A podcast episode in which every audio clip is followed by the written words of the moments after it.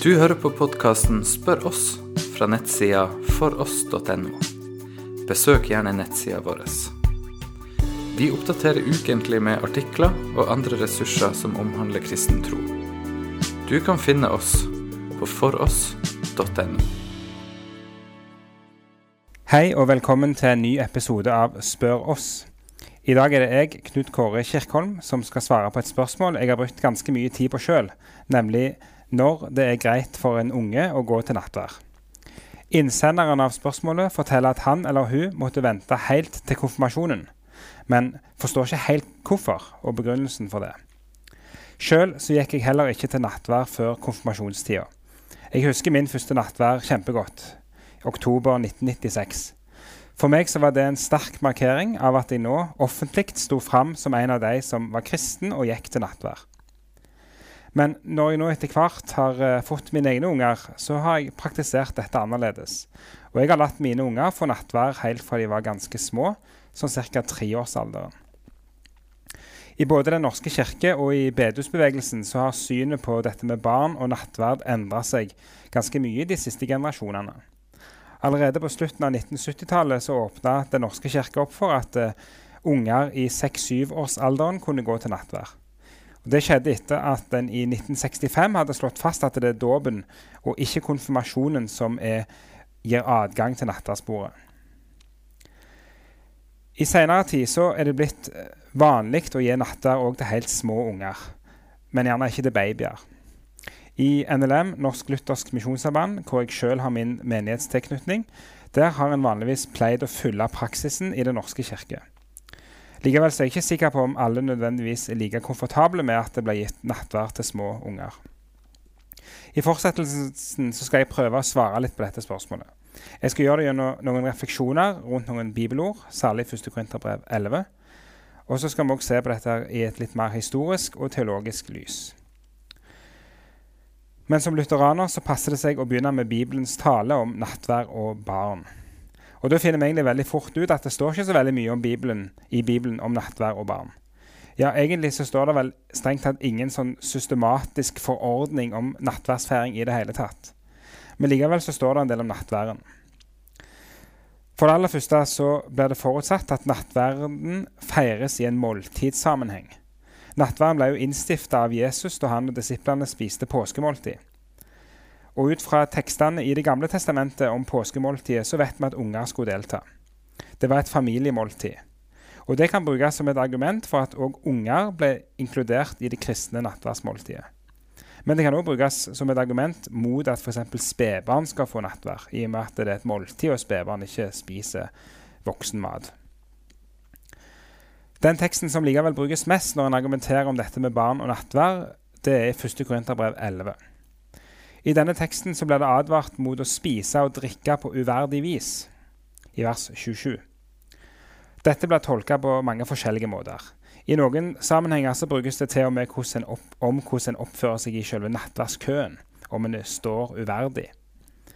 Mens det i andre sammenhenger gjerne er mer knytta til hvor mye en forstår, og hvor mye en tror på det som skjer i nattværen.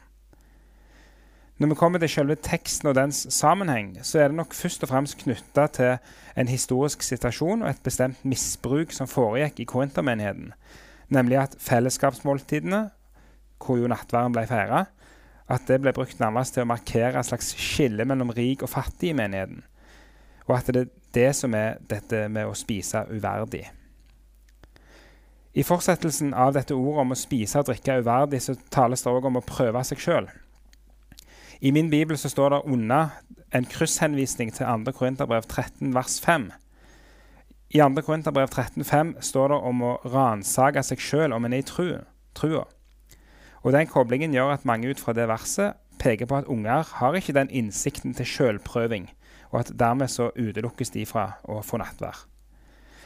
Jeg tror at det er en uheldig kobling som er blitt gjort i, uh, i, i dette her, og at uh, det gjør at en glemmer å se at denne sjølprøvingen nok først og fremst skal forstås i lys igjen av dette her konkrete problemet i korintermenigheten. At en skal prøve seg i lys av det, ikke i lys av hvor mye en forstår av hva som foregår i nattværen, eller hvor mye en eh, sjøl føler seg verdig eller ikke verdig til nattvær. I vers 29 så står det om å akte på Herrens legeme. Og det er den siste tingen disse tingene i 1. Korinterbrev 11 som det argumenteres ut fra. Det å akte på Herrens legeme det har ofte blitt tatt i inntekt for tanken om at de som deltar i nattværen, må ha en viss intellektuell forståelse av hva som foregår, og hva det vil si at brød og vin er Jesu legeme og blod.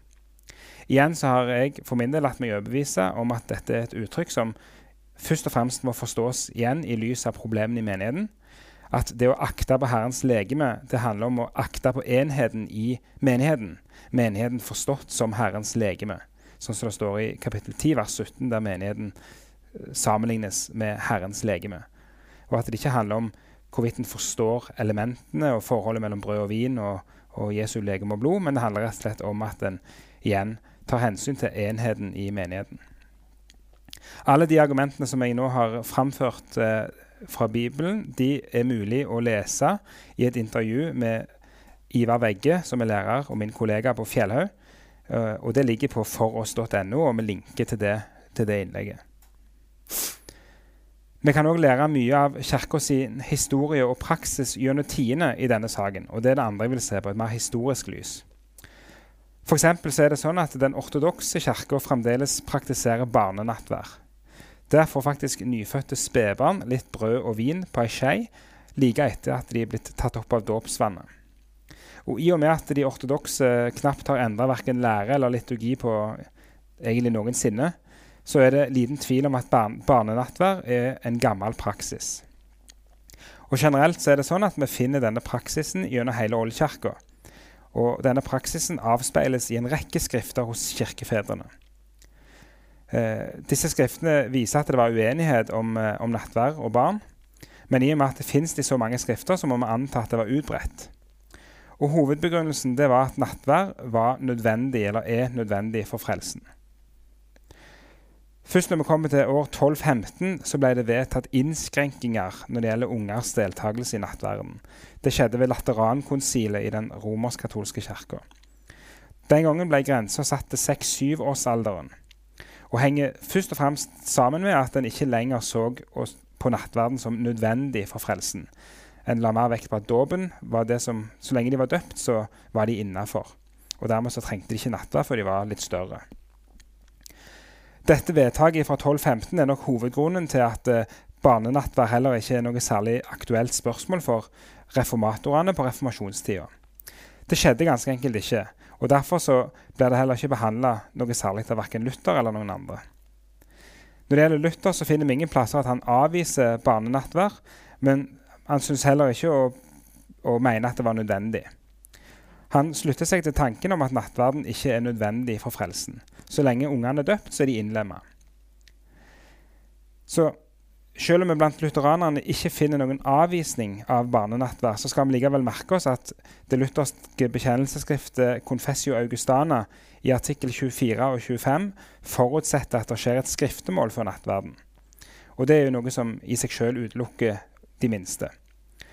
Dette med skriftemål før nattverd var ikke noe lutheranerne fant på for å liksom, stenge nattverdsbordet for barn, men det var bare en videreføring av det som var vanlig praksis. Og så kan en òg diskutere hvor bindende en skal la disse henvisningene til skriftemål før nattverden være, hvor bindende det skal være for oss i dag. Uh, uansett så er det òg sånn i Luthers teologi at Bibelen alltid vil stå over bekjennelsen, og hvis en kommer fram til at Bibelen sier noe annet, så skal bekjennelsen vike. Så det er et argument, men det er ikke et kjempetungt argument at det var praksis i, med skriftemål. Noen teologiske overveielser i lys av Luthers nattverdslære, så skal vi først og fremst merke oss at eh, nattverd og nattverdselementene eh, det forstås i Luthers teologi som at Kristi legeme og blod ble forena med brød og vin, og at vi i nattverden faktisk mottar Jesu legeme og blod, og at vi spiser det med munnen vår. Det er altså noe konkret som skjer. Videre så er nattverden et fellesskapsmåltid og et måltid til styrke for trua og livsvandringen med Jesus. I nattverden så tilbyr Gud oss syndenes forlatelse og del i Kristi soningsverk. Denne gaven blir vår ved trua. Og sånn sett er nattverden av samme karakter som dåpen, bortsett fra at nattverden skal gjentas. Hvordan skal vi så beskrive den trua som mottar nattverden? Hvor intellektuelt opplyst må den trua være? I Luthers lære så har trua alltid blitt forstått som tillit, og som den tomme hånda som Gud legger sine gaver oppi. Den trua er ikke noe mennesket sjøl produserer, men den skapes av Den hellige ånd ved evangeliet. Og Når vi taler om barnedåp, så er det vanlig å si at trua ble gitt i dåpen, i og med at dåpen er et nådemiddel.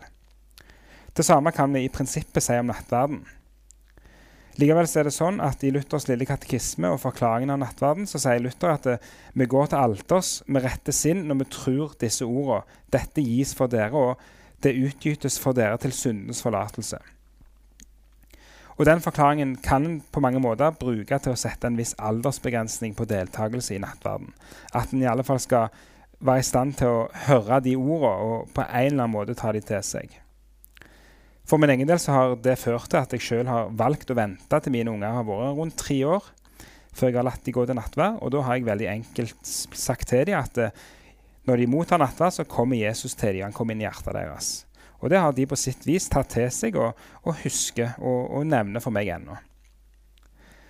Så vil jeg likevel for min egen del legge til at eh, jeg er litt usikker på om det trenger å være så stor forskjell om hvordan vi tenker om trua sin rolle i henholdsvis dåp og nattverd.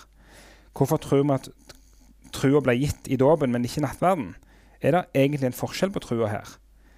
Og Dette er jo refleksjoner som jeg sjøl går og grubler på, som jeg ikke har landa i. Men foreløpig har jeg altså valgt å ha en viss aldersbegrensning på eh, at mine unger får nattvær. Jeg vil òg si noen ord om nattvær fra et sånn trusopplæringsperspektiv. For interessant nok, og det har jeg sett sjøl òg, så er nattverden den arenaen som på mange måter er mest håndgripelig for unger. Jeg er stor tilhenger av at unger får høre forkynnelse, men jeg er samtidig usikker på hvor mye de egentlig klarer å forstå av det, sånn at det blir nyttig for dem. Men da er i alle fall nattverden en fantastisk gave for der blir det ikke stilt krav til en veldig sånn intellektuell, kognitiv kapasitet. Her skal vi få lov å tro at ungen ganske enkelt skal få lov å ta imot Jesus og hans nåde gjennom det de spiser i nattverden, eh, og, og, ta imot der. En annen side handler litt om dette med å la ungen få lov å vokse inn i det kristne fellesskapet. Og Jeg syns nattverden er et godt redskap til det. og Vi kan gjerne bruke nattverden på samme måten som påskemåltid ble brukt i det gamle Israel. I 2. Mosebok 12 så blir det gjort et poeng ut av det at ungene på et eller annet tidspunkt kommer til å spørre hva er meningen med denne skikken å spise påskemåltid. Og Da poengteres det at eh, da skal foreldrene være beredt til å svare og til å fortelle fortellingen om Herrens frelse. Og Sånn kan vi gjerne tenke om det med nattverd og barn òg. At vi lar de få lov å delta, men sørger for at vi har forklaringen klar den dagen spørsmålet kommer. Og at vi gjør dette sammen med ungene, og lar deltakelse og forklaring gå hånd i hånd. Så alt i alt så hører jeg til blant de som har landa på at eh, jeg ønsker å la mine unger få nattverd når de er små. Eh, og jeg eh, gjør det ut fra en helhetlig forståelse både av, av Bibelen og bibelversene, av nattverdsteologien og, og, dette, og, viktigheten av at ungene får lov å vokse inn i, inn i fellesskapet. Takk for spørsmålet, og jeg oppfordrer på det sterkeste til å sende inn nye spørsmål hvis en lurer på ting. Du har nå hørt podkasten Spør oss. Still flere spørsmål, se andre ressurser, og vær gjerne med å støtte oss på foross.no.